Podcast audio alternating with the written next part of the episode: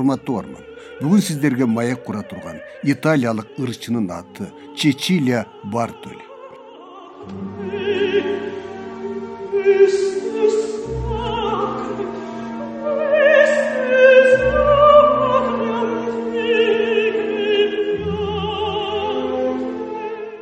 бүгүнкү опера дүйнөсүндөгү эң эле атактуу ысымдардын бири аны айрым музыка билермандары гений деп аташса кээ бирлер ырчынын үнүн легендарлуу страдиваринин скрипкасына салыштырып келишет. Чындыгында да ошондой. Чечилия бартоли атактуу мария калластан кийинки эле тирүү кезинде улуу ырчы гений ырчы аталып опера дүйнөсүндө эч кимге тең келбей турган ырчы катары саналат.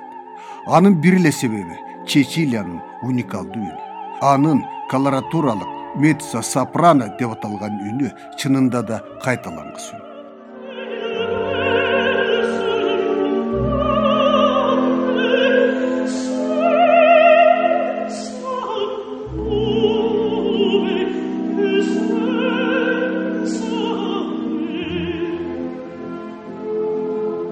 Таза хрустальдай шыңгыраган эмоциялык диапазону кенен аткаруучулук тереңдикке сезимге бай вокал чечилия бартолини башкалардан айырмалап турган дагы бир өзгөчөлүк. Анын эски италиялык композиторлорго. Атап айтканда вивальди сальери сыяктуу. Азыркы учурда сейрек аткарылган композиторлордун чыгармаларына көп кайрылгандыгы десек болот. Ошону менен бирге сейрек аткарылган чыгармалардын ажарын ачып азыркы угармандардын жан дүйнөсүнө жеткириш үчүн кандай чоң вокалдык чеберчилик талап кылынары белгилүү го чечилия бартоли ошол чоң маданий вазифаны мыкты аткарып унутулуп кеткен чыгармаларды бүгүнкү күндүн музыкалык репертуарына кошуп келатат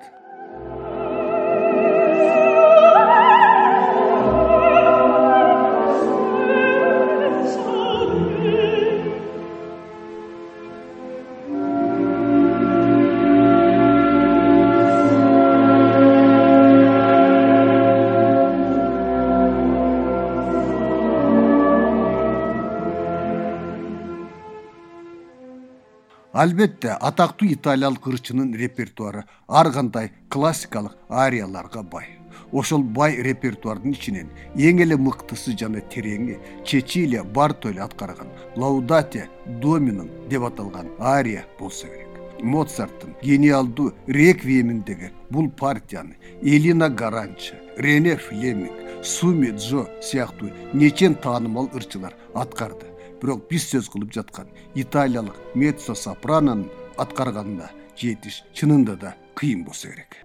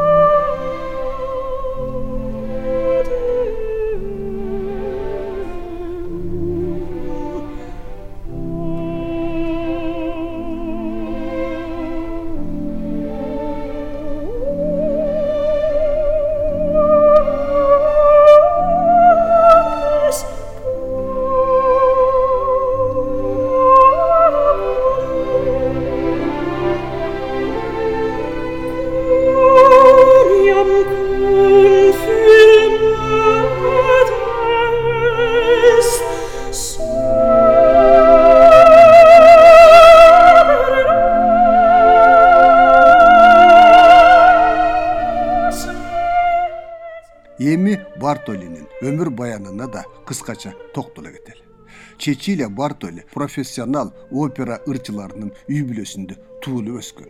Ырчылык карьерасында абдан эрте баштаган. Тогуз жашында римдеги опера театрында массалык эпизодко катышып он жети жашында атактуу санта чечилия атындагы консерваторияга өткөн. Ошондон бери өмүрүнүн бир да күнү театрсыз операсыз өтө элек ал эми ал аткарган ариялар концерттер жазылган компакт дисктер менен магнит ленталары миллиондогон тираж менен чыгарылып келген жана азыр да чыгарылып жатат. Анткени чечилия бартоли опера дүйнөсүндөгү эң эле таанымал жана жогоруда айтылгандай көзү тирүү кезинде улуу ырчы аталган супер жылдыз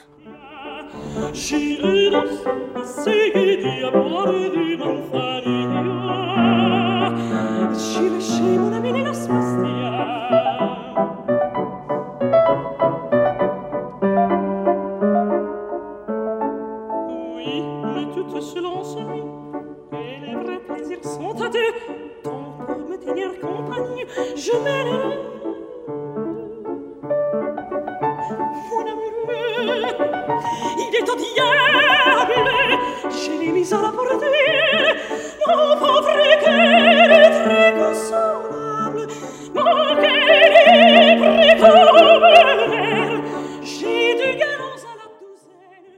Музыковедтердин жазганына караганда чечилия бартоли учурдагы опера жылдыздарынын ичинен эң эле көп сыйлык алган жана толуп аткан медалдар жана урмат сый белгилерин алган ырчы десек болот